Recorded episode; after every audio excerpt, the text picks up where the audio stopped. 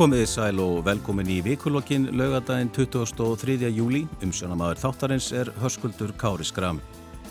Veslunumannahelgin er handan við hornið og landsmenn margir á faraldsvætið bæði hér, heima og í útlöndum. Í Evrópu fjallu fjölmörg hitamett í vikunnu og sumum stöðum fór hitin yfir 40 gráður. Og þetta hefur eðlilega ítt undir umræður um lofslagsbreytingar og áhrif þeirra og hvernig þjóður heims geta bröðist við þessu. Nú kaup síldarvinnslunar á sjávarútisfélaginu Vísi í Grindavík hefur vakið spurningar um samþjöppun í sjávarútvi, hvert stefnir greinin og er þörf á því að breyta lögum og reglugjörðum til að koma í veg fyrir að örfáir aðilar eignist megnið af kvótanum. Innviðar á þeirra hefur að undaförnum verið að kynna hugmyndi sínar um vegatotla og í vikunni byrti Hagstofa nýja mælingur á vístölu neysluverðs sem sínir að verðbólgan er nú að nálgast 10%. Til að ræða þessi mál eru komið þau Vilhjálmur Árnarsson, þingmaður sjálfstæðisflokks og formaður umhverfis og samgöngunemndar Altingis, Heiðabjörg Hilmirsdóttir, borgarfulltrúi og varaformaður samfélkingarinnar og Björn Levi Gunnarsson, þingmaður Pírata. Verið velkomin. Takk. Takk. Ég ætla að byrja á umræðanum vegatotla. Sigurður Ingi Jóhansson, innviðar á þeirra, hefur lagt fram áformum lagafrumvarpum heimil til að stopna ofinbert hlutafélag um uppbyggingu og rekstur samgöngu innviða. Nú í samgöngu áallin er stemt að gjaldtöku af umferðum jarðgöng á Íslandi og hugmyndin er semst svo að gjaldtaka fjármagnir ekstur og viðhald en einni nýjar framkvæmdir. Vilhelmur, þú hefur líkt þessum hugmyndum við bútasum. Hvað áttu við?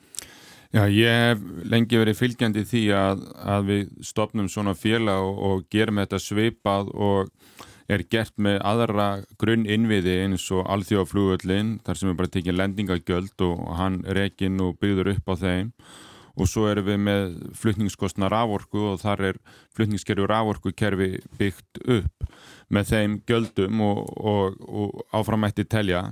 Þannig að það er, það er útfæslan á gjaldtökunni að vera að taka einu og eina brú og svo öll göngin en sleppa kannski þá megin stopnaðunum þar sem að mesta umfyrðin er.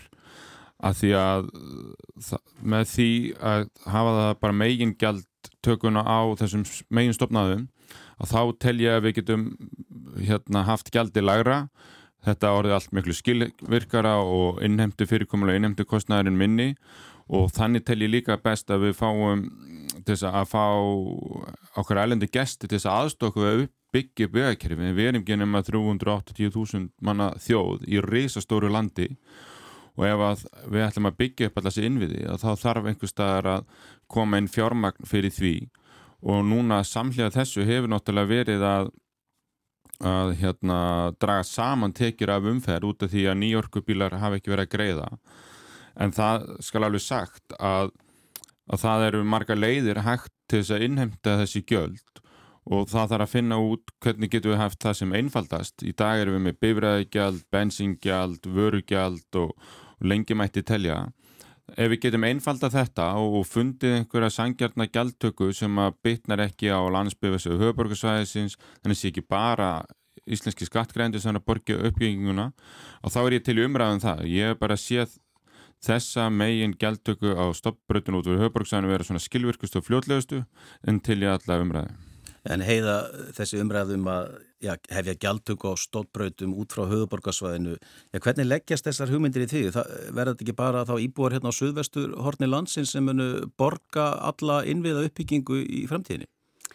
Jú, ef það væri engöngu þar, þá er það þannig og hérna, ég held að það væri ekki mjög farsælt. Ég held að það sé mikilvægt bara að við, við erum alltaf í stórkostleiri innviða skuld núna Við hefum ekki, það hefur ekki opnað hérna, ekki verið vinna við neina jarðgjöng síðan 2020 uh, og við sjáum veginnir bara um all land þegar það þarf mikið að fjárfesta. Og ég skil vel að öllum, öllum hérna, já, all, allir möguleikar séu skoðaðir þar en ég held að það sé mjög, ég tek alveg undir það, mér er bara mikilvægt að þessi sangjart skattur og við tökum öll þátt í þessu. Og það eru náttúrulega þessi orkuskipti sem er að verða og við þurfum að finna nýja leið til þess að fjármagna samgöngunar okkar Mér finnst mikilvægt að það komi bara svipað út fyrir okkur um allt land og, og auðvitað eru við fleiri hér og, og, hérna, og við komum alltaf til mig og borgum en þá, auðvitað tökum þátti að byggja upp allt landið, það er líka okkar allra hagur.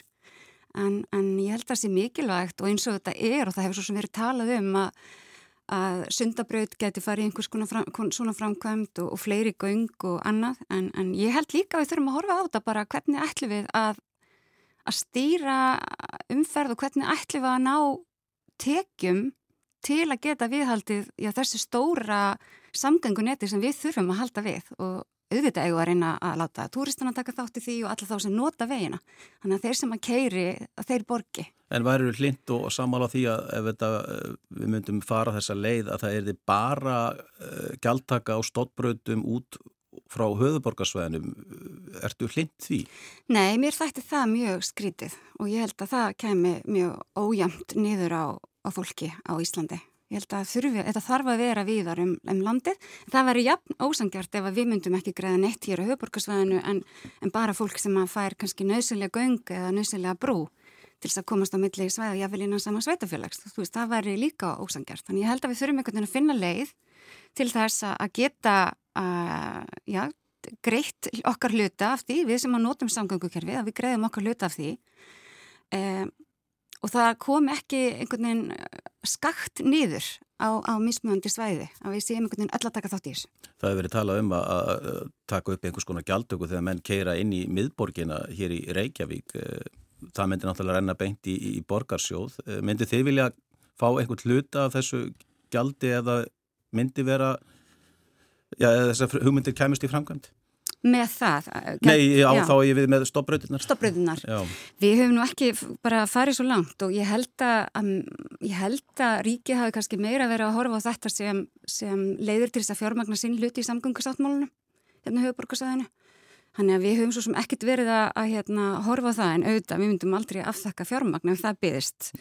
En varðandi, þetta varðandi höf, miðborgina og annað, þetta er, þetta er eitthvað sem við þurfum að skoða Við þurfum auðvitað sko, stóra málið í samgöngum, sérstaklega hérna í þjættbílinu því að fólk út á landi við getur ekkit valið hvort það þarf að nota bíli eða ekki. Það getur ekki valið endilega aðra samgöngum á það en við sem búum hér, eh, við getum valið annað og það þarf að hjálpa okkur að velja rétt og við höfum í rauninni ekkit val þar. Við þurfum að, að, hérna, að fara að verða umhverfisvetni og, og, og grænni.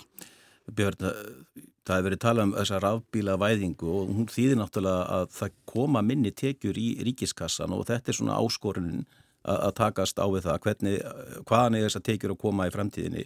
Eru vegatollar eina svari við þessu þínumatti? Nei, nei, alls ekki. Það eru mun fleiri leiðir mögulegar eins og bara kilómetri gældsvipað eins og taka á heitamælunum eða, eða rámasmælunum heima, heimahöður það sem að er áallunótkun og svo er, er að uppvært á háls ás, ás, ásfresti þegar að fá bíliskoðun eða eitthvað þýnitt eða, eða sendir bara upplýsingar um, um hver staðin er ef, ef, ef það er að breytast eitthvað mikið út frá áallun það er fullt af öðrum möguleikum til staðar. Sko það sem að mér finnst hins vegar vera mesti eh, akkurinn í eða, vesti í þessu kerfi hjá okkur núna. Við erum að horfa til uh, samgöngu áallun sem er 5 og 15 ár gott að blessa með það, það er ágætlega langt hort fram í tíman einn af svona stærsta eða svona mesta framtíðarsýnin í rauninu sem við sjáum í, í hérna, íslenskum stjórnmálum er í gegnum samgöngu á allin, merkilegt. Ég myndi vilja hens vegar að við myndum horfa ennlenga fram í tíman og, og, og teikna upp í rauninni bara hvernig er samgöngukerfi eins og við viljum hafa það.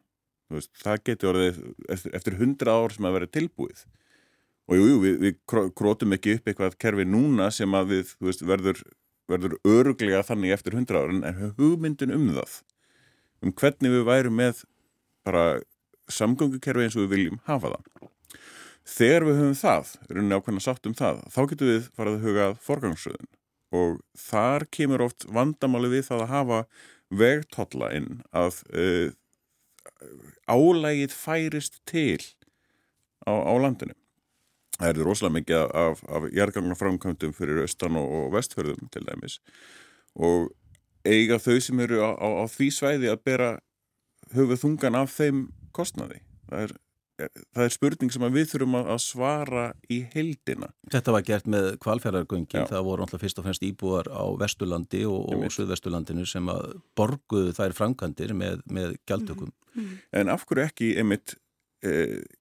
Eh, heldar samgöngu pakkin sko fyrir ekki bara þau ár, þessi 20 ár sem að uh, kvalfæragöngin voru, heldur við erum að horfa til 100 ára uppbyggingar.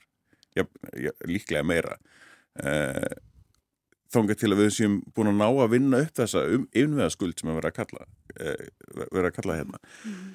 og þegar við horfum á sagt, heildarmyndina þá erum við líka með áallan kostnað á heildarmyndinni. Og þá getum við að fara að spyrja okkur hvernig eigum við að sapna þá peningum fyrir það að byggja upp þessa heildarmynd? Án þess að hún dreifist óeðlega á suma umfram aðra á mismundu tímabilum, þá getum við jafnaða betur út. Og bara ég myndi vilja hvetja til einmitt betri, betra samráðs um það hvernig á að haga þessu til þess að, að komi vekk fyrir það að, að sumir þurfa að borga meira heldur en aðrir út af því að þau búa í runni á, á stað sem að er dýrari á, á þann hátt heldur en heldur en aðri staðir. En við erum líka átt okkur af því að það kostar gríðarlega pening og tíma að taka ekki ákvörðin og það er ekki að þetta gera þetta í fullri sátt af því að kvalifæragöngin þegar þau eru byggðið voru 75% landsmann á mótið þeim sko. þannig ef enginn hefði þóra að taka það skreið þá væri við bara ennþá stopp ef við myndum ekki þóra að, að taka gjald á þingvöldum þá væri þingvöldir ekki að taka óhindra á móti 80% af ferðamannunum núna en það sem ég vil segja líka í þessu er það að eftir við fórum þessu umræðan að haustu 2017 á stað um gjaldtökun og stoppbröðum á höfuborgarsæðinu þá byrjaði þessi, eftir það hefur þessi bútasömi verið að myndast sem ég er að kalla að því þú spyrir hérna heiðu út í varandi gjöldinu höfbruksæðinu. Þá kom eftir þá umræði kemur höfbruksáttmálinn og staðan fyrir að hafa þetta bara skilvirt stopprutin út frá höfbruksöðunum og öll göng á landinu, það er bara þessa tværgjaldtökur og þá getur við að í massíver hérna, uppbyggingu bæð á höfborginu og út um all land að þá er komið einhver umfyrragjöld sem eru óútfærið í höfborgarsáttmálunum, við erum komið einhverja nokkra vegast upp út á landi og svo núna göngin og þá er allir vestlendingar að fara að borga en ekki allir hinnir og þannig að þetta er að flækast svolítið svo leiðis en það er annað sem að var gert í höfborgarsáttmálunum sem ég tel að við getum líka gert í ríkara mæli í samhlið einhver svona annari gæltöku að það er að breyta ríkisegnum í innveðu uppbyggingu þannig að með því að selja eða gera verðmættu kjaldnalandina og byggja upp hér á höfborgunni við getum byggt út uppi út á landi með að losa um hluta eignarhaldinu í Savia sem dæmi og það er bara að selja hérna ákveðin innvið og byggja aðra innvið í staðin. Þannig að það er hægt að, að gera það þannig en við þurfum bara að þóra að taka þessa ákvörðun og leggja á stað að því að annars verðum við bara stopp hér áfram og við höfum ekki tímið það. En þú talar um að selja ríkisegnir, það er náttúrulega bara einskiptis aðgerð, það, bara, það er tekið bara einu sinni, hvernig á að viðhalda síðan þessu, þessum innviðum inn í framtíðina? Já, sko, það er nefnilega málið að þeir innviðið sem við erum að tala um að byggja hér upp hafnir, byggja upp öfluga vegi, það er arsamt fyrir þjóðina. Þannig með að breyta mikilvægum innviði sem eru vissulega einskiptist að selja hann, en þú eru búin að byggja upp innviðin og ert að skapa hagvöxt og þú ert að draga úr samfélagsleiri þróun og þú ert að auka hérna rekstarskilir í fyrirtæki að stekka atvinnusvæðin, við erum að tala um saminningu sveitafélaga og þá þarf að vera eftir að samina sveitafél, hérna, þú ert að draga úr slísum, auka öryggi á vejónum og allt þetta, þannig að þeir sko eins og bara var sagt fyrir okkur í fjárlæðanemdini, það eru vissir samgöngu innviðir sem að ríkið veri ekki efnaði að fara ekki. Þannig að það kostar að fara ekki í samgöngu innvið. Akkurat, ég, það er skuldin sem við erum stötti í núna, að það hefur ekki verið farið í þessa stóri samgöngu innviði síðustu ár sem að þetta, við finnum bara verulega fyrir. En hins vegar er það auðvitað gumul aðferða að svelta kerfin og, og hérna, gera, búið svo til hann einhverja, einhverja þörfa og fara að selja einhverja ríkisfyrirtæki sem við styðjum engan veginn og, og hérna, ég held að sé bara ekki, ekki endilega eitthvað vitrænt að fara að tengja það þessari umræðu af því að það er í rauninni bara önnur umræða hvort við viljum hvað við viljum hafa í ríkisrekstri og hvað við viljum ekki hafa þar. Við þurfum bara einhvern veginn að finna leiði þarna og ég held að mörgu leiti eins og hérna, Björn var að segja áðan að við þurfum lengra plan Við þurfum svolítið langtíma plan og mér finnst það mörguleiti og kemur kannski óvert að ég hérna hrósi ríkistjórnum fyrir það en eins og þessari hugsanir, eh, þetta kemur út núna út frá, frá sveitarstjórnar á þeirra með að samþætta eins þetta húsnæðir samgöngur og skeiplagsmálinn um landið allt og vinna í samstarfi við sveitafélagin og þá tala ég kannski meira sem var að fórum með sambandstinkar sveitafélaga að við, við okkur þyrsti svolítið í þetta samtal og einhvern veginn hvernig ætlum við að byggja upp þetta land? Af því að við erum svo heppin að það er fólk sem að vil búa hérna og það vil búa hér við það um allt land og, og við þurfum einhvern veginn að byggja upp þessi samkjöfnisæfi svæði og, og horfa á styrkleika svæðana og, og ég held að sko, þetta getur orðið miklu skemmtilegri eh, við höfum alltaf verið með þess að byggastefnu og sóknar á allanir en ef við gerum þetta svolítið heilstætt og horfum á allt landið og komum svolítið saman eh, Ég held að þarna liggi gríðalegt tækifæri og við erum mjög spennt í sveitafélagunum að, fá að sjá hvernig, hvernig þetta muni halda áfram og þetta getur líka hjálpa okkur þá að, að takast á við þessar stóri áskorunni sem eru framöndan sem eru út á lofslagsmálinn og, og, og velferðin og allt það sem að, hérna, við erum náttúrulega líka í skuld með sko. Við hérna, erum við nefnilega ídaldum miklu vandraði með sko, stefnumörkun og, og ákvarðanatöku eins og viljum að mm. bendir á og ég held einmitt að ástæðan fyrir því sé að við séum alltaf að horfa svo stutt fram í tíman. Ef að við uh, hugsum það sem svo, jú við erum 380.000 núna en, en þegar Ísland verður miljón, hvar býr það fólk og hvað þarf að vera til þess að fólk getur búið hérna á, á Íslandi þegar það eru miljónmanns en, en á höfuborgarsvæðinu miljón. Mm -hmm. Hvernig lítur -hmm. það út þá? Þá eru við komin langtíma svona akkeri til þess að miða við og þá er miklu auðveldar að taka stittir ákvarðanar mm -hmm. af því að við veitum að það er í áttina að þessu langtímamarkmiði. Núna erum við að taka átt svo rosalega skarpar beigur í áttina að einhverju sem við höfum verið ekki hugmyndum hvað er og það gerir það verkum að, að það þóri enginn að taka ákvarðan og svo frá eins af því að það er ekki verið að mála framtíða sín og það er mhm. vandin í stjórnmálum í dag. Já, það er náttúrulega okkur lítur. En er það ekki alveg ljósta að, að, að sko hugmyndur um vegatólla Ég hef ekki síðan einn eh, styðja þessar hugmyndir eh, fyrir utan ráð þeirra sjálfan. Eh, þetta mun alltaf vera umdeilt, lítil þorp eða bæjarfél út á landi þar, sem er, sem, þar sem eina leiðin kannski er í, í gegnum göng. Þar mun þetta falla í grítan í arveg. Að samaskap eru kannski önnur bæjarfélag þar sem menn geta kert á milli án þess að fara í gegnum einhvers konar göng. Þannig að það er alltaf, það er mikið, skapast mögulega mikið ójapvægi með þessu. Já, sko, það, það er alveg rétt að þetta er vandarsamt útvæsla og við tókum töluveru umræð um þetta þarna fyrir um það að verða fimm árum síðan, eða um fjórum árum síðan við tókum mjög miklu umræð og þegar að fólk fóra að skilja bæði jafnbræðið og líka hvað það fengi í staðin það fengi þá ekki bara vegið sinn fyrr heldur betur út ferðan, hann væri 2 plus 2 með mislega gatnumótum en ekki 2 plus 1 með ringdoriki og þeir fengi hann þá lengra tvöfaldagan og þeir fengju göngin sinn fyrr, tengingu innan sveitar fyrr og þá fann maður að það jógst gríðarlega stuðningunum við þetta. En þar var líka jafnbræðið með því að gera alla þrjár megin hérna stoppbreytin út frá höfbruksvæðinu þá er þetta ná til 80% af landsvæðinu, af íbónum og svo með því að taka upp sangjarna og hólega gjaldtöku í öllum göngum, þá varstu komin inn í alla landslutana með þetta líka. Og þannig ætlum við að hafa þetta einfalt en tryggja jafnbræðið og með því á svo líka þess að þrjár stoppbreytur út fyrir höfborgarsvæðin og þá vorum við að tala sko alveg frá holdakurum upp á Reykjanesbreyt og þannig að við vorum að hugsa inn í höfborgarsvæðið að uppbygginguna. Þannig að þeir sem var að fara yfir helliseðina kæmist miklu fyrti höfborgarna myndi spara tíma og pening og vera öryggari að, að þetta myndi virka þannig og þar er líka fjárfrekustu framkvæmdinar á þessum stöðum. Þar sem að megin gældagan er því, þar eru flestu ferðamennir þannig að að þá er þau miklu fleiri að borga eins og að fari fyrir 150 krónir eða helliseðina eða 600 kall bara yfir ölusóbrú þetta er bara strax munurinn. Þannig að þessi umræða eftir það sem hún þróskast og var búin að tryggja þetta jefnbræði og þá var bara töluvert mikil stuðningur og maður fann það alveg umræðinni hvernig stuðningurinn jógst jamt og þétt eftir að fólk skildi þetta betur. En við sjáum það í, í nágrannlöndu menn hafa oft vísað í normenn þeir eru með eh, mikið af þessari, já þeir, þeir notast mikið við alls konar vegtólla Eh, en það eru líka tiltölulega góðar almenningssamgöngur, lestarferðir, tíðar og svo framvegist, þannig að eh, það er mikill munur á þessum tveimu löndum. Hér eru nánast engar almenningssamgöngur nema á höfuborgarsvæðinu.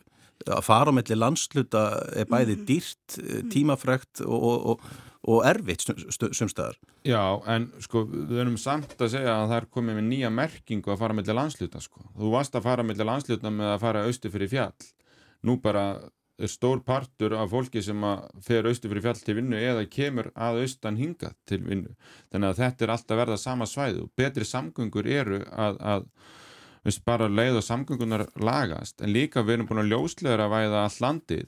Þannig að fullt af fólki sem var að vinna á höfborginu bara flutt út í sveitina og þarf ekkert að koma alltaf á vinnustadin þannig að, að og, og fjarskiptur hluta samskiptu samgöngukerfinu. Eftir því sem samgöngukerfi bætist og því stittast leiðirnar á milli landslutana en að þú nefnir Noreg að það er ekki heldur samt sangjart að út að, að bera saman væntalega gjaldtöku hér og svo þar að því að hún er mjög flókin gjaldtakan í Nóriði að því þar er höfuborgin að eða sporgirnar að innhemta gjald, svo koma einhver fylki að gera líka og svo ríki að því líka þannig að þú getur lendt í gjaldtöku á þremur mismunandi stjórnsýslustöfum bara við að fara til, e, e, á eitt vinnustaf þar og það er kerfið sem ég er að tala gegn hérna, þessum bútasum.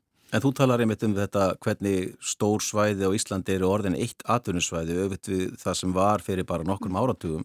Heiða, ég er að minnast á almenni samgöngur að því að mm -hmm. þeir sem búa til að mynda á Selfossi mm -hmm. og sækja vinnu hérna á höfuborgarsvæðinu, eh, þeir hafa ekkit, ég sko, valkosturinn er ekkit svo mikil hjá þeim ættu við ekki fyrst að einbita okkur að því að byggja upp almenningssamgöngur áður við förum í það að töfalda þjóðvegin og svo framvegis? Jú, ég held að það sé bara ekki eftir neina býða með að ebla almenningssamgöngur um allt land og, og við töljum fyrir kostningar já, samfélkingunum landlínu, af því við höfum talað mikið um borgarlínu það þarf líka að hugsa allt landi þar og fólk vill það. Það er eftirspyrn eftir því og, er, hérna, og þetta getur líka hjálpa okkur við að stýra ferðafólk, það er komingar sem ferðamæður. Fyrsta sem þú þarfst að gera það er að út af þær bílalegu bíl og fólki finnst þetta svo skrítið því það, þetta er eiginlega ekki íneinu svona öðrum löndum þannig núna. Já, það er líka skrítið að hugsa til þess að einhver sem býr á Selfossi og vinnur hérna á höfuborgarsvæðinu þurfa að borga þetta gjald, stottbrötagjald, mögulega sexin, nei, tíusunum í viku og, og, og meðan sá sem býr í Reykjavík Já. eða í Kópavegi þurfu aldrei að greiða þetta nema kannski þegar hann er að fara í sögumbústæðin eða svoleiðis. Já, algjörlega. Þa, þetta er það sem þarf að skoða. Ég held að við þurfum, þetta er auðvitað ekki ný umræða og ég bara, ég, ég man bara þegar Kristján Möller var samgöngur á þeirra á sínum tíma, þá vorum sjálfstæðsflokkurinn alfæra á móti þessu og fannst þetta alveg fáralegur hugmyndir þannig að ég held hún sé þroskari og við ætlum ekki endilega að vera þar. Ég held að við þurfum öll bara einhvern veginn að finna út hvernig við ætlum að að tryggja það að, að hérna núna við þess að breyttu aðstæður þegar við erum sem byttu fyrir að verða aðeins umhverfisfæðni bílaflótun okkar, hvernig við ætlum að tryggja að, að við getum upp, byggt upp stór samgöngumarki en þau eru vissulega dýr út á landi líka. Þau eru mjög mikið af þessum göngum og þú veist þetta er bara við hefum stundum hórtalju öfundar augum á það þó við sjáum ekki eftir fjármagninu því að það eru auðvitað mikilvægt og hérna að, byggja upp samgöngur um all land. Þannig að ég, ég held að það, er, það þarf að finna einhverja leðir þannig að þetta sé sangjart og við sem erum inn, inn í borginni við auðvitað eigum ekkert að keirum á bílunum okkar þar alveg eins og ekkert hafi gerst sko, við þurfum náttúrulega líka að taka þetta til okkar og það sé eitthvað sem við þurfum bara öll að gera. En ég finnst sko Eh, mér finnst bútasem er rosalega fallegur. Og ég, hérna, ég er náttúrulega kona og það er mjög flókja að vera í bútasem, maður þarf að vera mjög nákvæmur og, og, hérna, og mér finnst það bara geti orðið ágættist löst og þetta fólki sem er fyrir norðan og aðlega hefur gungin þau borga þar og við borguðum í hérna, hérna Akranisborgaði lengi í kvalfargöngunum og ég held að við getum alveg fundið sátt um, um ákveðun svæði þar sem er greitt, þú verði ekki alveg allstaðar, allstaðar eh, og mér finnst þetta mörguleiti bara svolítið hugrægt hjá ráðhörunum að koma fram með þetta núna og ég held að þetta neyða okkur svolítið, það er engar kostningar akkurat í námt, þannig að það ættu allir að geta bara hérna sest niður og, og rætt þetta Og, og þetta er bara eitt af því að tala skortur og framtíðasín, það eru auðvitað einhverju leiti okkur að kenna sem erum í stjórnmálunum að við erum svolítið að karpa alltaf í staðan fyrir að reyna að finna lausnina saman á svona einhvern veginn slá smá keilur og, og hérna og ég held að, hann talaði um þetta í gær hérna uh, eh, fósitsræðara Noregs að auðgarnir í umræðinu og allt þetta, þetta, er, þetta veldur bara miklu torstitt í samfélögum og ég held að en maður sest bara niður og reynir að finna lausnir þá er það yfirlega tækt og, og fólk er yfirlegt skynnsamt. Já, en sko það hjálpar ekkert rosalega mikið þegar það er að vera að draga umræðin alltaf í ringi og, mm. og það er aldrei þessi sko veikjölda umræði í, í, mm. í jarðgöngunum er að fara í ring við tókum þessu umræði fyrir nokkur mánu síðan þá átt að rukka gæld í öll veikjöng veik, og þá kom upp upp mótmæli, hvað með sko jargöng sem eru að tengja saman byggð, byggðakjarna Ólasfjörð, Siglufjörð mm. og eitthvað slúið, svo eru Þingeri og, og Bólangavík og svona, hérna þá, nei, þá, þá sleppuðu þeim, þeim göngum og eftir stund, stóðu bara örf á göng sem að áttu þó að borga þetta allt mm. og nú eru við komin aftur á staðin þar sem að, að öll jargöngi mm. hefur verið að vegjöldi og, og af hverju ætti umræðan að fara eitthvað annað heldur en hún þróaðist þá, þá út akkurat. í skurð. Þá kannski þurfum við að finna einhverja aðra lust eitthvað, eitthvað sem það, er betra en, en það er það sem mm. að ráþur að dregur upp er sama lustnin aftur mm. og fór síðast út í skurð. Mm. En hún er virsulega til umræðu og, og þetta er til samráðs, já já en ég menna þetta fór ekki gegn síðast og, hérna, og við hljótum að geta einhvern veginn tekið þessu umræðu og fundið. Og ég finn allavega hjá sveitafélagunum það er mikil áhuga á þessu veist, það, er, það er mikil Þetta, þetta skiptir okkur gríðalega miklu máli. Tvímælulegst, en, hérna... en þá væri kannski smá ábyrgt hjá ráð þegar að koma með já við prófum þetta öður, það virkaði ekki þannig við viljum ekki þetta svona öðru þessi núna sem myndi þá verið einhvað aðeins annar fótur fyrir. En núna samfélagið er náttúrulega gangi endur sko en líka á gjaldtöku umfyrir almennt sko. Þannig að, að það væri best eða bara þetta stillir þetta alveg saman þetta þurfti ekki að þetta geti unnist saman og væri þetta einfald þetta tölverð en þá bara bendi á að bæði kilómetra gjald eða einhvers konar önnur gjaldaka að hún bytn ekki á landsbyðinni þannig við þurfum að fara að vera með stóra sjóði í, í, í flötningskostna styrki út af vörum og, og búa lengra frá landinu og annað slíkt sko þannig að, að og, veist, og þið voru að tala um hérna fórgómsröðun, almenningssamgöngur annað undan ég vil bara að fólk hafi frelsi til þess að, að nýta sín samgöngumóta og ég stið uppbyggingu öllum samgöngumótum mm -hmm. og, og það skiptir máli og bara eitt samgöngumóti á ekki að ganga og annan sko. þannig að það er það mikilvægast að í þessu Þá þurfum við heldur betur að spýta í lóna því að sannanlega hefur bílinn haft mikinn, mikinn mm. forgang þar í uppbyggingu og, og almenningssamgöngunar er í raunin ekki val hjá öllum lengur. Þannig ég held að það sé Hjól og gangandi Hjól og, og fljúandi og syklandi og, og einmitt uh, net samgöngur Já, já, algjörlega, en, en ég finnst líka ekki bara kannski að horfa það hvort að þetta kemur niður á höfuborgarsæðinu versus sko þá sem búa í í hérna dreifbili, líka kannski það eru margir sem þurfa að keira í vinnu, veist það er ekki allir sem geta valið og, og það er fólk kannski þeir sem að fá einmitt læri laun og, og keira jáfnvel langt. Og við þurfum að með... horfa á það. Þetta kom ekki niður á þeim hóp og, og veist, það eru margir, margar hlýðir þarna sem við þurfum að horfa á. En svo var ég líka bara gaman að vita hvað er hlutfall engabilsins mikið hátt í umfyrinni hérna, þetta er nú tölvört mikið bara sendibílum og vinnubílum og og fyrirtækjabílinn sem eru hérna í umfyrinni þannig að ég sé ekki smiðin fara með spýturnar í strætá sko. Nei, en það held ég að sé engin að tala um það. Nei, við ætlum aðeins að venda okkar hvaðið kross. Eh, við sitjum hérna Vilhelmur Árnarsson, þingmaður sjálfstæðsflokks, heiða Björg Hilmisdóttir, borgarfulltrúi og varaformaður samfélkingarinn og Björn Levi Gunnarsson, þingmaður Pírata. Við langar að tala aðeins um sjávarútveg. Eh, Síldarvinnsland keipti nýlega sjávarútisfyrirtæki Vísi í Grindavík fyrir rúma 30 miljardar.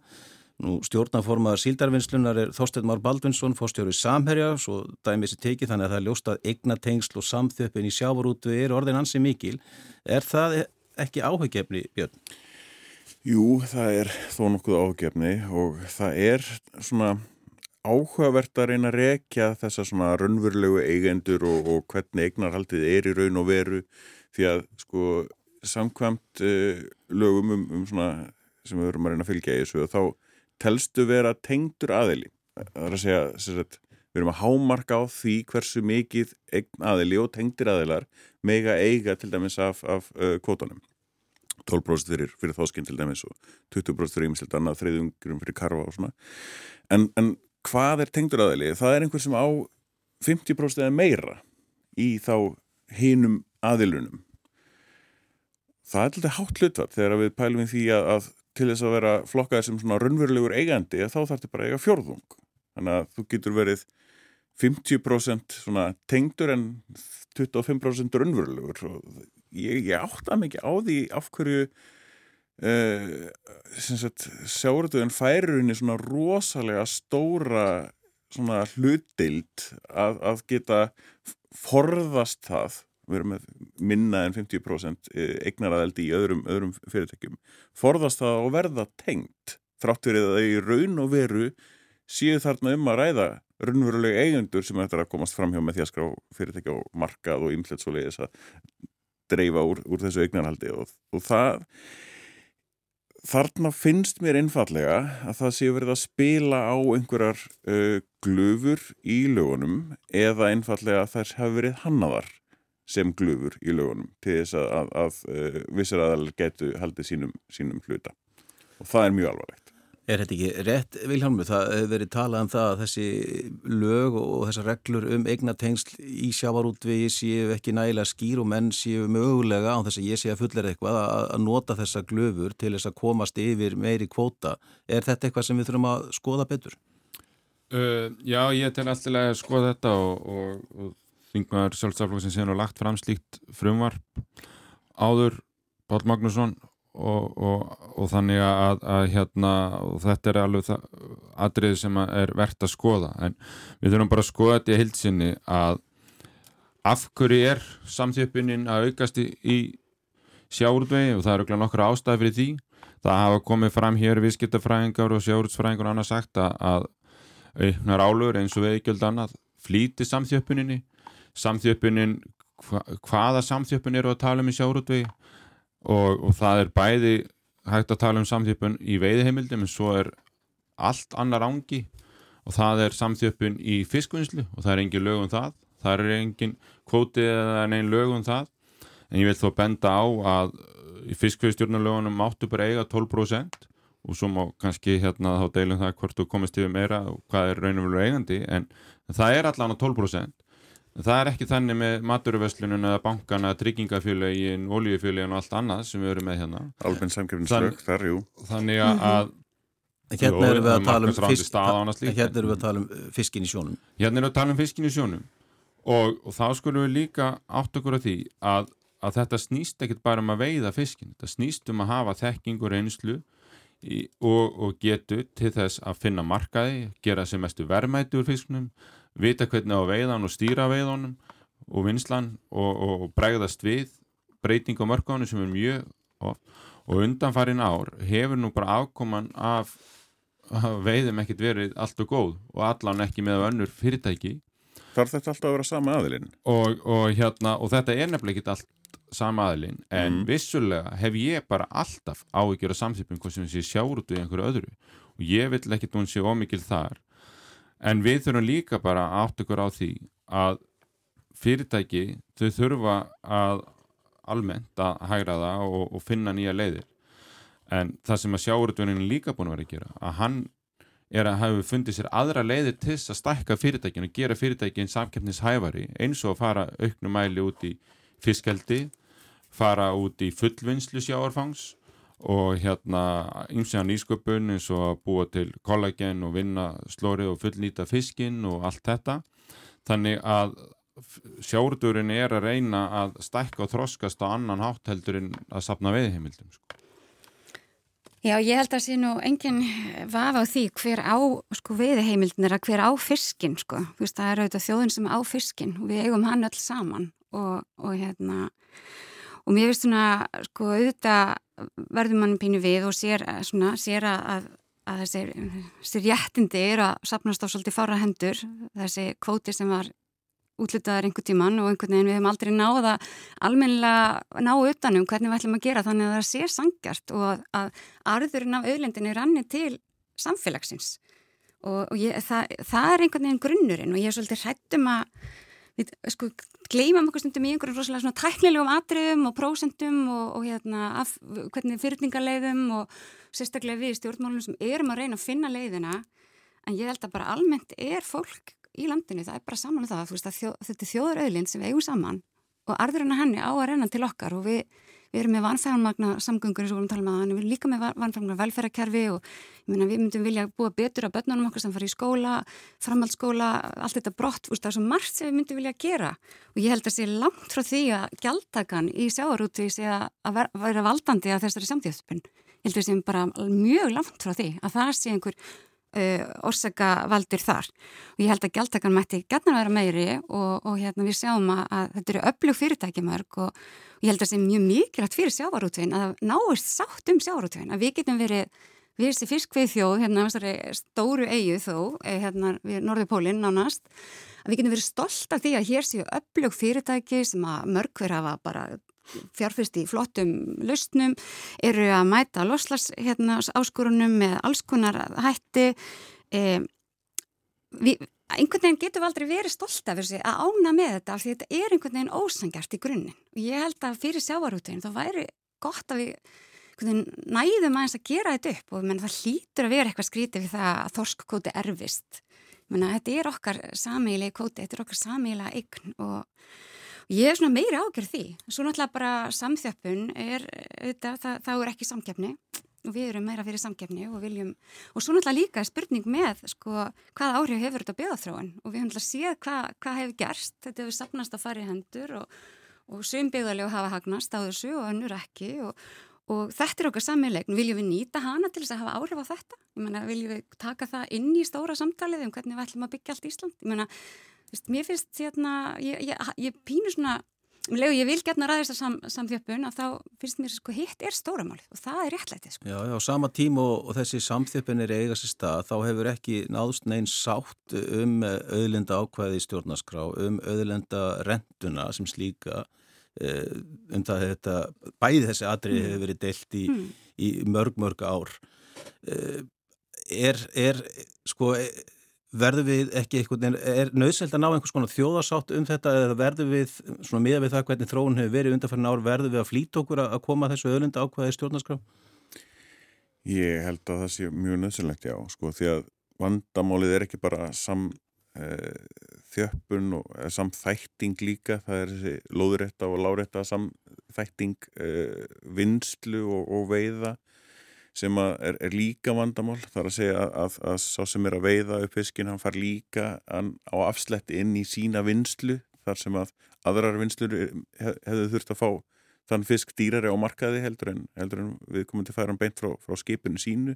Það þýðir raunni að sjómenn þar eru snuður af lagra verði og ímislegt e, þess áttar þannig að við, við eigum í rosalegum erfileikum með þessa umræðu af því að ef við horfum þetta bara út frá ríkisjóð kostnaður okkar við það að, að Hafrannsvárnstofnun, landhelgiskesslun og íminslega svoleiðis, það þann hluta sem sérum runni eftirlit með þessari auðlind að meðaltali á undanförnum árum þá hefur ríkið, samfélagið bara sem á þessa auðlind fengið 500 miljónir í arð af þessari auðlind á ári. 500 miljónir uh, þetta er eftir kostnað. Mikilvægt að hafa það til huga uh, þau sem eru síðan að veiða og vinna þetta að það er arðurinn þar eftir kostnað er, er tugfaldur.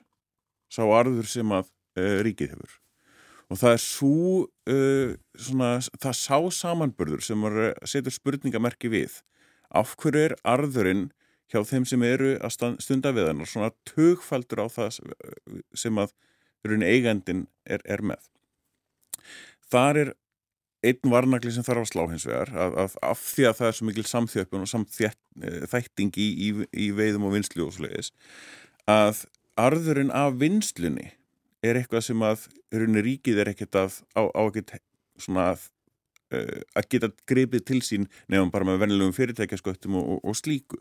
Af því að þar er, þar er búið að taka úr auðlindinni og þar er bara verið að vinna úr ráöfnum uh, þannig að við þurfum að sko einblín okkur betur að þetta er auðlindastjórnun uh, sem við erum að glíma við hérna í kringum, kringum hafið og skipting á því eh, og aðgangur á því er ekki skattur eða neitt svo leið sem er alltaf verið að þvæla umræðinum heldur þetta að, að verið að, að, að takmarka þarna eða, takmarkuð öðlind sem er verið að reyna að hafa jafnaræði af í aðgang.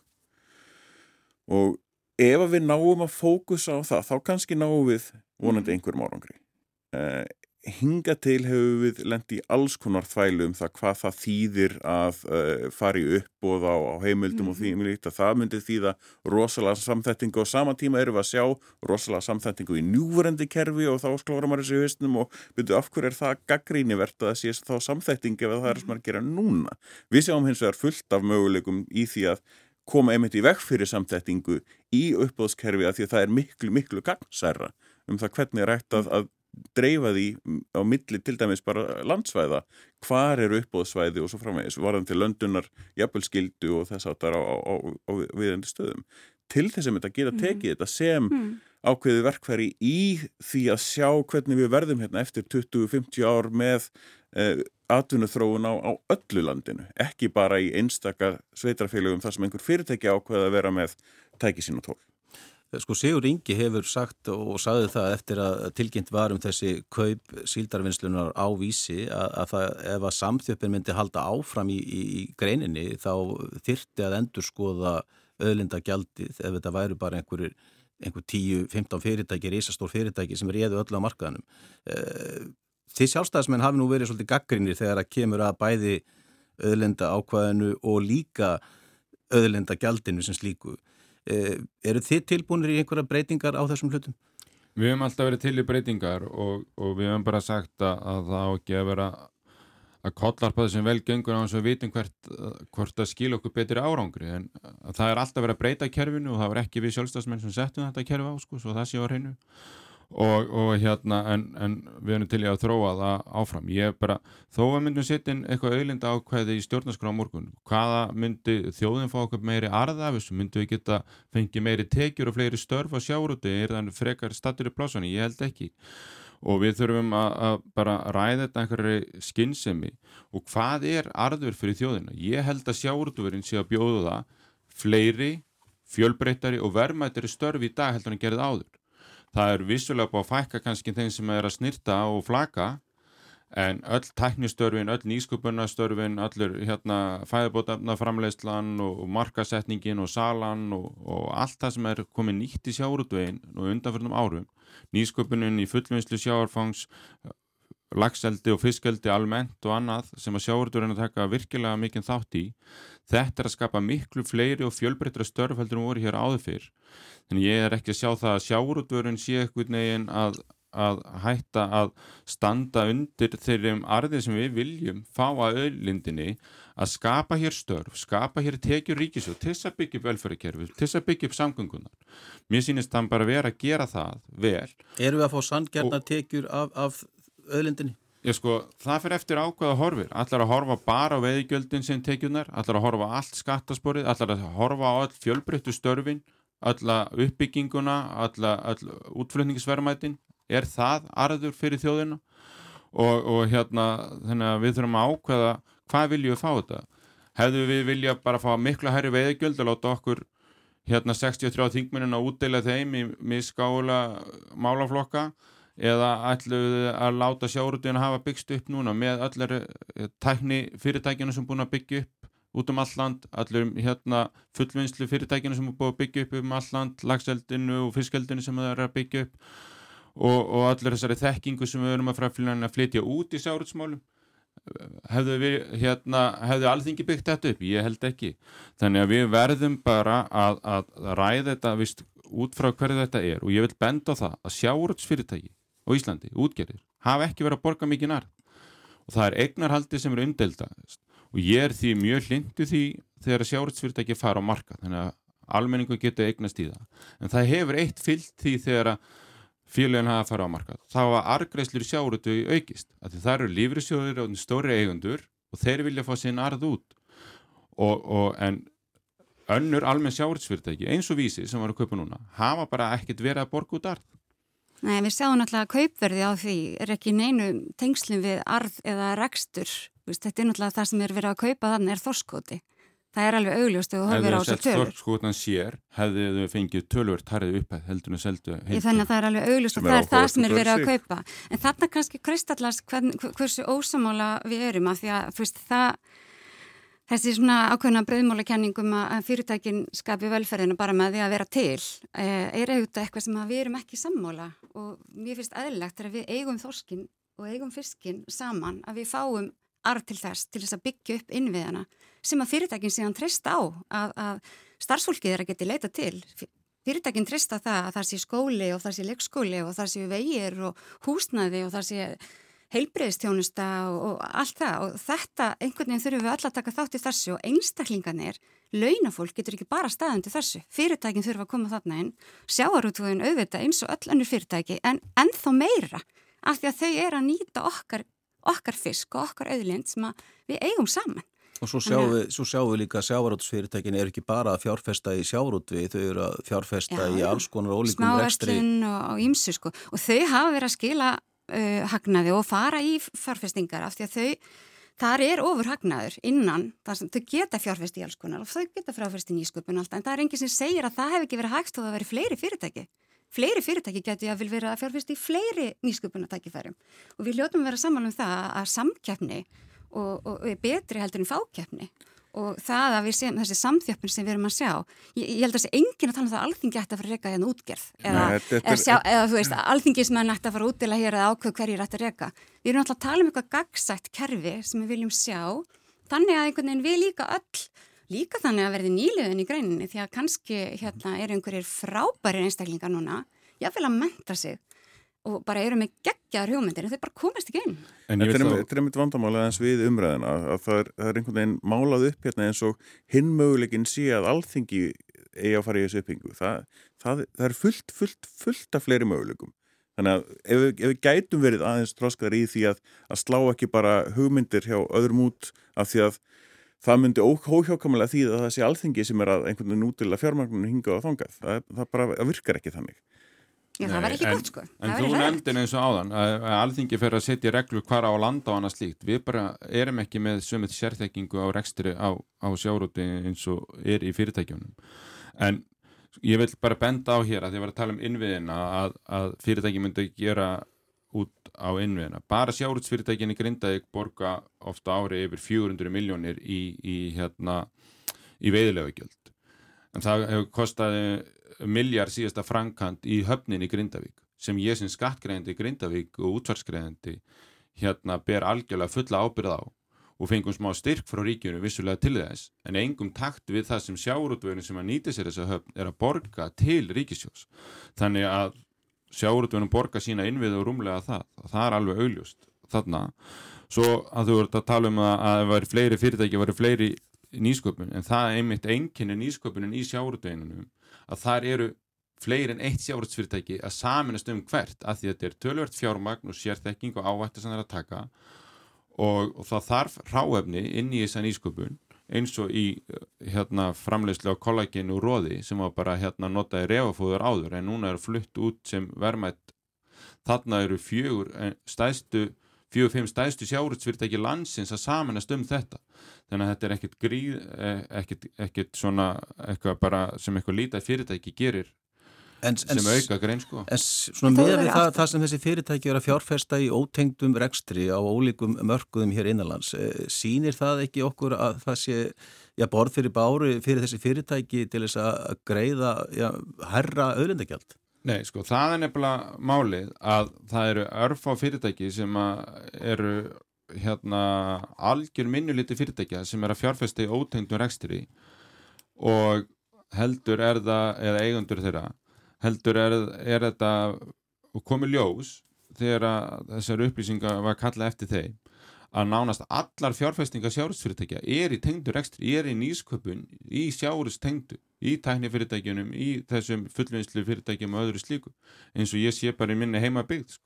Við sjáum alltaf líka fjölmiðla og smásölu og hérna heilsölur og ímislegt sem, að, sem þessi fyrirtæki hafa. Þannig, að, hérna. Já, það eru kannski tvö fyrirtæki Ja, öllum þeim fjölda sjárhusfyrirtækja og 600 okkar aðeins sem greiða veiðilega gjölda hverju ári Já, við erum auðvitað ekki að tala kannski um, um þá sem eru með eitt bát, sko, en, en við vitum hverjir þetta eru og þeir hafa sannlega borð fyrir báru. Bara það, ég nefnaði hérna að það er ekkert af því að rauninni staðbinda í rauninni ákveðna hérna eh, ákveðin kvóta og þess aftar það sem við erum að taka ákveðin um það hvað er að vera að byggja hafnir og þess aftar og það er bara hluti af rauninni að það fari saman. Ég er Það er ekkert- á ekkert það það, sko. og það er gert í samráði við hver, hver, hver landsluta fyrir sig síðast var framvegis. seldur bólfiskvoti frá Þólasöp þá jógst landaðar aflið Þólasöp En við getum alltaf fram Man- en við getum náttúrulega líka farið- staðsendin kvotans og hvað er landað sko. Við getum líka farið bara í sandgerði, rétt hjá Grindavík, þar sem að var byggð upp rosalega fín höfn en, en engin landar þar og, og sveitafylgið setur upp með það. Tíminn flýgur, gerði. hann Allavega. flýgur óðfluga eins og óðfluga eins og stundum er sagt hérna, við langar aðeins að ræða um þessar heitabilgjur sem við sáum í Evrópu og, og umhverfismál vísindamenn hafa náttúrulega talað um tala um það og spáð að svona geti gerst í, í, með þessum lofslagsbreytingum að við myndum sjá þessi öfga veður fyrirbæri yfir 40 stiga hitti á Breitlandsegjum og, og þar voru hita með slegin víða. E, sko ætti þetta ekki að vera okkur umhugsunar efni um, um þessar breytingar sem er að verða á lofslæginu hérna Björn? Rosalega miklar. ó, hérna, miklar vísbendingar hérna í gangi sko, sem að ekki nóg með að, að fari eftir þeim módölum sem að, að svona búið er að, að reyna að vera að leggja fyrir uh, stjórnmála, stjórnmálinn undanfartna ára tugi í rauninni. Heldur er þetta að fara fram úr heldur að fara hraðar jafnvel heldur en að módölum byggast þið þó að það sé að fara mm. eftir nákvæmlega módölum þá er tímaskalinn ekki, ekki, ekki alveg svo sami. Við erum að sjá til dæmis e, þurka í, í vesturluta bandaríkjana þar sem að vassból þar eru, eru ekki góðum horfum og, og e, heldur áfram sem er að þá verður stórkostlega mikið vandamál. Við erum að sjá núna í mars a, á Suðuskauðslandinu þar eru að sjá sko hita sem er 40 gráðum herri heldur en búist er við. Það, það er ekkit smáræði mm -hmm. og sko hérna er ég kannski að benda á einstaka atbyrði hita atbyrði og þá koma aðrir á móti sig og benda á einstakka kalda atbyrði, kallt sumar hérna á Íslandi og það er hérna kallt og heitt á móti og þetta er, er ekkert í þessu satt. En það sem er satt í þessu er að meðal hitin er að hækka í heiminum öllum. Þó að sumir hlutar verði aðeins kaldari þá eru aðrir hlutar að vera miklu, miklu heitari. Þannig að ég get benda á þegar að al, almenna viðmiðið er að hækka þá er svo auðvöld að benda á einmitt og hérna eru ástæðinar hækkandi hiti á norðurslóðum, hækkandi hiti á söðuskautunum sem kemur til maður að valda alveg gríðalegum breytingum og, og sko ég, ég nýstast alltaf mikið af því afsakið að, að þegar það verður að tala um þessar hamfara spár og svo framvegis að, að hver tólkun er á því. Tólkunin á því er nefnilega svo að þessar uh, breytingar koma til með að hafa óaftur kallanlegar uh, kallanlega áhrif á núverandi mannlegt samfélag það þýðir ekki það að, að við þurkum stútið eða neitt svoleiði sem, sem tegund. En breytingarna sem við þurfum að gera á, á bara á, sagt, beigð með fram nokkur neginn öllum ströndum allstaðar í heiminum til þess að, að koma til móts við hækandi sjábóru þess áttar sem er að fara að gerast á næstu 100, 200, 300 árum það þarf að breyðast við því núna er rosalegt og, og það má ekki gera lítið úr því einhvern veginn með því að segja að það er kallt sumar á Íslandi. Nei, heiða, er, er orðið og sent fyrir okkur að bregast við? Nei, alls ekki og ég auðvitað, hérna, held að þetta hljóti að, að bara, að ég vona innilega að einhvern veginn stjórnmála menn heimsins einhvern veginn átti sig á alvarleika málsins núna. Það er allt saman að rætast sem að hefur verið sagt. Meira sé að kvöldu sumurinn í Íslandi sem var spáð veist, hérna, hérna verði bara svona pínu rigning alltaf og ég menna, við, við hérna, en þetta er svo gríðalega alvarlegt og ég menna, við vorum, ég var út á EM núna í Breitlandi og þú veist það, þetta er náttúrulega alveg fyrðulegt að vera þarna í einhverjum yfir þrjáttísta að hitta, þetta er, þetta er ekki, mann man bara upplifir, þetta er ekki eðlilegt, játbrytateinar voru að bráðuna eitthvað að gliðuna og og þetta er hérna, þannig ég held að hljóta vera og þetta er auðvitað bara banvænt að þúsundi manna látist bara í Evrópu og við sjáum bara að það er að koma vasskortur, matur, matarskortur, það er sagt að matarframleysla mingi um 6% hver, hverju gráður sem hittast í hækkar og þá búið hækkum 1,2. Þú veist, við erum að sjá að það, það fyrir að verða óbyggilegt á vissum stöðum og á nettunum allir, hvert á það fólk að fara. Veist, man, hva, þetta eru orðin svo stóra spurningar. Ég, bara, ég, ég held að við þurfum, við erum búin að setja okkur um þessu markmið, bæri Reykjavík og Ísland að minka, að vera kólefnislutleis. Ég held að við þurfum bara, við þurfum bara að fara að minka losun það er ekki nóg að horfa á að, að gera eitthvað á móti, við þurfum bara að minka losun. Viljanur Já, ég held að við þurfum bara að fara að komast í frangandir hægt að gera einhverja skýslur og, og tala um mm. um þetta og fara vist, að gera sem gera þar. Við vorum að ræða sjárutunni hérna áðan og þar erum við með því líka þekkingu til að flytja út. Og ég held að þar sé einmitt hlutverk Íslands í loftlagsmálum að við erum lítil þjóð sem getum verið snögg að finna lausnirnar og prófað á heilri þjóð og það getum við gert í loftlagsmálunum með því að vera fyrstis að hætta að nota jarðarna elsniti og búa til okkar græna orku hér. Og við erum nú þegar fann að flytja út lausnir varandi hittavituna og það er bara að gera eina hittavitu í Kína, einum bæ í Kína er að, að þá mingu losun meira þar heldur en öllu Íslandi. Þannig að það eru svona lausnir þurfum að fara. Við þurfum að, að hérna hlúa betra landbúnaðanum okkar að því að landgræsla er eitt að fljótvirkast að í kolumnisbindingu og, og allar þessar nýju tæknilausnir við höfum bara að byggja undir það hér þannig að hér komi þekkingin og uppbyggingin þannig að við séum mjög framalega í þessum grænum lausnum og þá getur við flutt út það hugvit og þekkingu út um allan heim En- og hjálpa þeim. Það liggur fyrir áallun en þurfum við mögulega að, að flýta, flýta henni. Já, já, við höfum bara að gera þetta. Já. Sko, mér finnst við stundum vera hér föst í einmitt einhverju svona einhverju, veist, við gerum áallanir og, og veist, það þarf að minka losun og það þarf að, að, fara í græna orku og eitthvað, en svo má ekki gera neitt af þessu. Þannig að við gerum alltaf þessar áallanir en það má ekki gera það sem að gera þarf til þess að, að geta farið í þær og það er vandamáli hér. Sko. Við losum náttúrulega einna mest í heiminum per, per mannesku. Þa, það, það er ekki áallun, skulum hafa það alvar hennu að núverendi áallun hún var svo sem var fyrir 40% losun fyrir 2030 sem var rauninni samt 29% losun út af samvinn okkar við, við hérna og Európa samveit og svo leiðis þannig að núverendi áallun snýst um 29% samdrætti losun fyrir 2030 en við erum komin upp í að það er að vera 55% og það vantar þarna munin og milli og fjármagnin verið því og svo framvegis. Þannig að ef það á að drífa í framkvæmdum þá hlakka ég til þess að sjá hvað það þýðir hjá núveldu stjórnvöldum sem að hafa re- reynt að hérna, skreita sig meira heldur en með, með, með, með svona, svona tölum í staðin fyrir það að, að framfylgja þeim. En við erum því miður að búið með tíma, við getum auðvitað að tala áfram eh, lengi um þetta en það er þetta risamál sem að við verðum öruglega og munum tala um næstu árin. Eh, Þessum þætti er að ljúka en svona áður en við ljúkum þessu, já hvað er framundan hjá okkur um helgina? Uh, já, nú er ég að fara í brúkaup í dag sem er bara ánægilegt og svo bara þegar líður á næsta viku þá fyrir maður undirbúið sér fyrir þjóðatíð. Eða, Ég vaknaði alltaf fimm í morgun og ég er á Reykjavík sko, þannig að ég var á morgunvaktinu og var að gefa fullt af kátum fótboltakrökkum, þannig að stelpur og strákar á Reykjavík og allir, allir útrúlega kátir og helgin fyrir bara það, þetta er svo gaman, þannig að bara ef þið leiðum lögadalinn kikið, þú veist, bara næsta kynslu, það er málið sko. Það er druslegangan á morgun og, og í dag, hún er í dag. dag. Já, Og já. það er lögðar í dag, Já, það er rétt, er klukkan tvö í dag. Ég er á, ég er á dagavilt hérna.